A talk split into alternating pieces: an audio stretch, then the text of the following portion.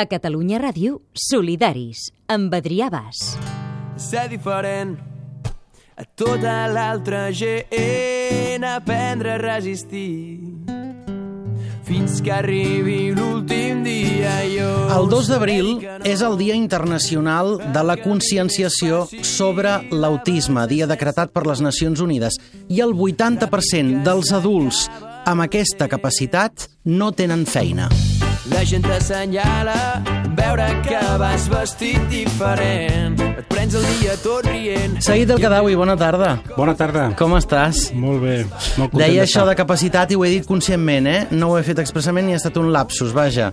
Perquè eh, les persones amb autisme tenen capacitats potenciades que els altres no tenim i que perfectament podrien tenir un lloc de feina. Les Nacions Unides alerten que el 80% de les persones adultes diagnosti- diagnosticades d'autisme podrien tenir una feina i no la tenen, perquè són persones que saben prendre molta atenció, són persones meticuloses en allò que poden arribar a fer i és una cosa que el sector privat, que l'empresa, que aquelles persones que generen feina no acabem de tenir clara. I amb el Saïd sempre ens agrada parlar de que vist de lluny ningú no és normal, vist de lluny, vist de prop, Vist de lluny i de prop ningú no és normal. eh que no? Primer de tot, clar, com que és el dia de l'autisme, jo penso que és important dir que és una malaltia psíquica molt important, uh Mhm. -huh. que té...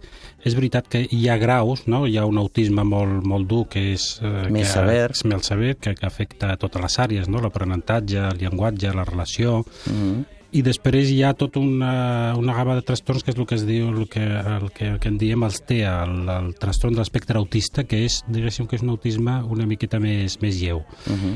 En tot cas, tots dos és molt important que hi hagi professionals que els puguem diagnosticar contra abans millor, i en tots els casos requereix un treball amb, amb xarxa molt important de professionals de la sanitat, d'educació i ara que dius el, el tema de la feina, també d'empresa.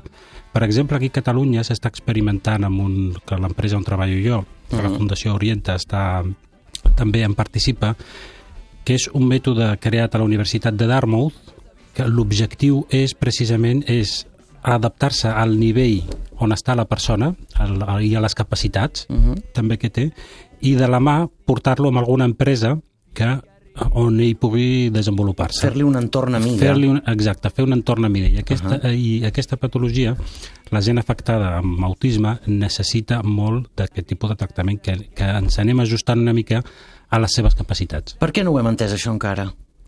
Bé, és difícil, eh? Són... Que ens fa por? Tota la diferència ens fa por. Tu, tu fixa't que venim, mm, si, si fem un, un, una mica d'història breu del que és la malaltia mental, la tendència ha sigut sempre a apartar. A partir dels anys 60-70 que va haver un moviment molt important de, de l'antipsiquiatria, la, va començar amb l'antipsiquiatria, eh? una miqueta radical, però a poc a poc hi ha hagut tot el que, el que s'ha dit la psiquiatria institucional, que és mm. treballar, que és, primer de tot, acabar amb els psiquiàtrics apartats a la ciutat, apartat de les ciutats i com un aparcadero per la gent que té una malaltia, mm. portar institucions clíniques, hospitals, hospitals de dia, a dins de les ciutats. Als barris. Als barris, Clar. exacte, i fer, el, eh, i fer el tractament corresponent dins dels barris i lluitar perquè el, eh, per, per anar reduint l'estigma. És a dir... Ara que ho has dit, eh? L'estigma. Sí. És paraula clau, eh?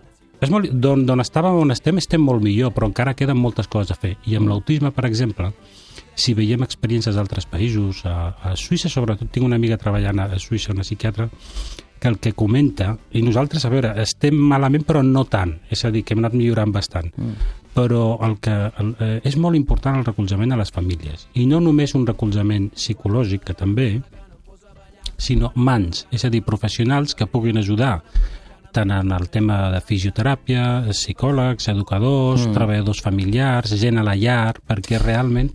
Però per això fa falta cèntims i fa falta que les famílies s'ho puguin permetre o, o és que hi ha uh, un sistema d'ajudes prou potent com per facilitar-ho? No, jo diria que primer de tot fa falta que els professionals, els que estem, eh, els que, eh, diguéssim que els que hem de dir una miqueta què és l'autisme, com s'ha de tractar, com... Primer de tot que consensuem algunes coses mínimes, alguns tractaments mínims, mm. que hi ha hagut un debat, que si la psicoanàlisi ajuda, si, el, si la teràpia cognitivo-conductual ajuda. El resum que jo faria és que penso que tot ajuda, tot ha portat coses positives i algunes de negatives, però si som honestos, és a dir, moltes corrents aporten coses molt, molt interessants i el que mm. ens interessa és anar integrant el millor de cada tractament i oferir-ho a les famílies. O sigui, primer de tot és la idea de què és l'autisme, com el tractem, què necessita i a partir d'aquí els cèntims. Però jo penso que és més important la idea que els cèntims, que a vegades pensem que hem de posar molt... Però és que si no poses els recursos aquí, mm. després, eh, per exemple, la gent amb patologia, amb, amb, amb patologia d'autisme que no pot treballar, també és una despesa. I si pot treballar, ah. serà una altra cosa. És a dir, que és cèntims, però no, però tampoc. Mm. Mm. Eh, clar, això en un entorn prou conscienciat perquè d'una manera o altra s'hi vegin relacionats directament o perquè s'hi vegin afectats a casa, al seu entorn més pròxim. Però hi ha aquelles persones que no tenim ningú a prop amb un cas així, com ho hem de fer? Perquè la resta entenguem que aquestes persones també necessiten aquesta integració i perquè aquestes persones entenguem que tenen capacitats que es poden desenvolupar igual de bé. Mm. Jo penso que una idea bàsica és veure que tots tenim parts febles i parts fortes. Llavors, si, si, si sabem si sabem i som honestos i pensem que tots passem per fases i, i a més mm. la salut mental ens pot incumbir a tots, mm. dir, ens pot tocar, qualsevol moment ens, ens pot tocar. Ara no em vull equivocar, però em penso que diu que un de cada quatre sí. podem tenir un moment o altre sí, sí, tant, un problema tant. mental. I tant.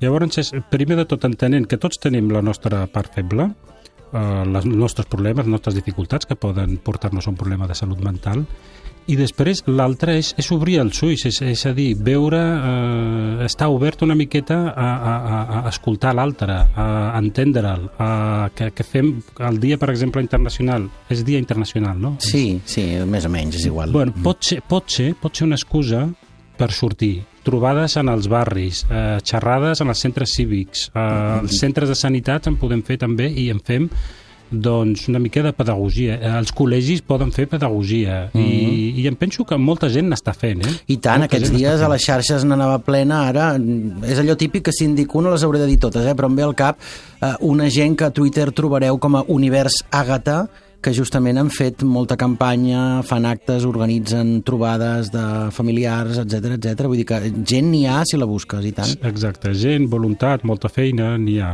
Jo veig que, que n'hi ha, que, que estem, estem una mica millor, però que si, si acabem de consensuar, sobretot, el millor tractament, i és una qüestió de professionals, d'ideologia, mm. de deixar-nos una mica la bandera cadascú de la seva corrent i d'obrir-se i, i, i trobar els punts positius de cada corrent, si fem una teràpia integrada que inclogui també no només el despatx, perquè amb aquestes patologies el despatx es queda curt. Sí, tant sinó obrir-se a, a treballar amb els educadors, amb els mestres, amb, a, amb els treballadors socials, amb, amb els treballadors familiars que puguin ajudar a casa, que es pugui fer un treball en xarxa, jo penso que és el que més pot ajudar a aquestes persones i a les seves famílies. Doncs que ningú oblidi, perquè això també és solidaritat. Vist de prop, ningú no és normal.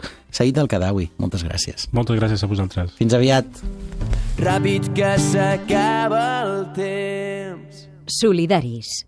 Idees que transformen. A Facebook, a Twitter i a catradio.cat, Solidaris, amb Adrià Bas.